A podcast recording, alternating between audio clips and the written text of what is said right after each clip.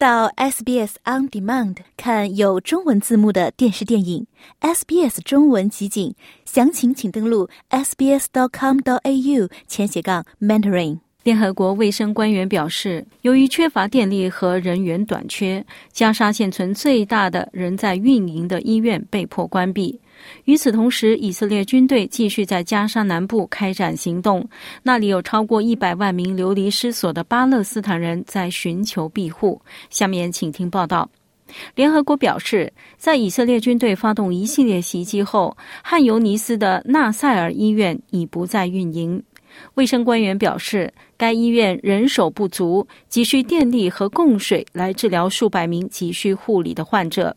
以色列国防军表示，他们掌握的重要情报显示，哈马斯武装分子一直在该医院藏匿武器和在十月七号袭击中捕获的人质。一名在医院接受治疗的病人回忆起他是如何被迫撤离的。There was shooting, tanks and bulldozers, and no one was allowed to. 我听到了枪声、坦克和推土机的声音。他们不准任何人移动，还有狙击手，不准任何人打开窗户或者到医院的大门。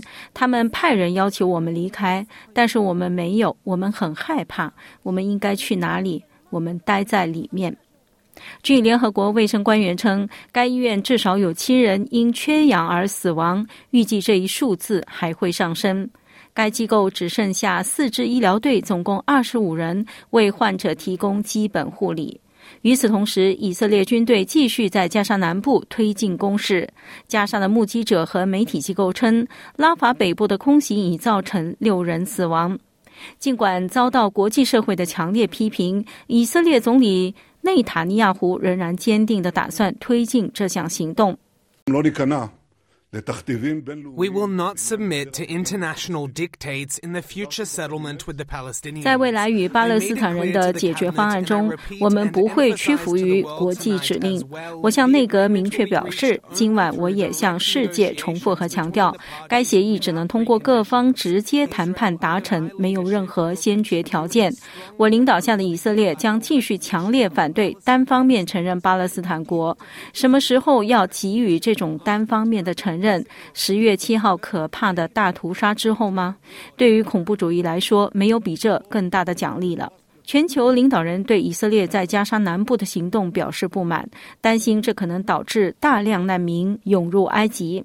埃及继续加强与加沙南部拉法的边界的防卫，为以色列和哈马斯之间的战争可能蔓延到埃及领土做准备。然而，埃及外交部长。萨梅赫·舒克里否认埃及正在针对可能涌入埃及的难民制定应急计划。舒克里先生强调了他所说的以色列多次侵犯人权行为对埃及双边关系造成的灾难性影响。From the outset, we've communicated both to the Israelis and to our partners that it constitutes a red line, that the issue of 从一开始，我们就向以色列和我们的合作伙伴传达了这样的信息：，他跨越了红线，流离失所问题，无论是在国内还是国外，都违反了国际人道主义法，是不能容忍的。它的后果及其对埃及国家安全构成的威胁是巨大的。它为我们和以色列的双边关系带来了压力。我们需要避免对加沙平民造成非常悲惨的后果。加沙平民现现在聚集在加沙地带有一百三十万、一百四十万的平民，这是世界上人口最稠密的地区。在阿尔及利亚官员提交的初步请求草案的推动下，联合国安理会似乎将再次就飞地停火进行投票。根据美国驻联合国大使琳达·托马斯·格林菲尔德的声明，美国似乎可能会否决这次投票。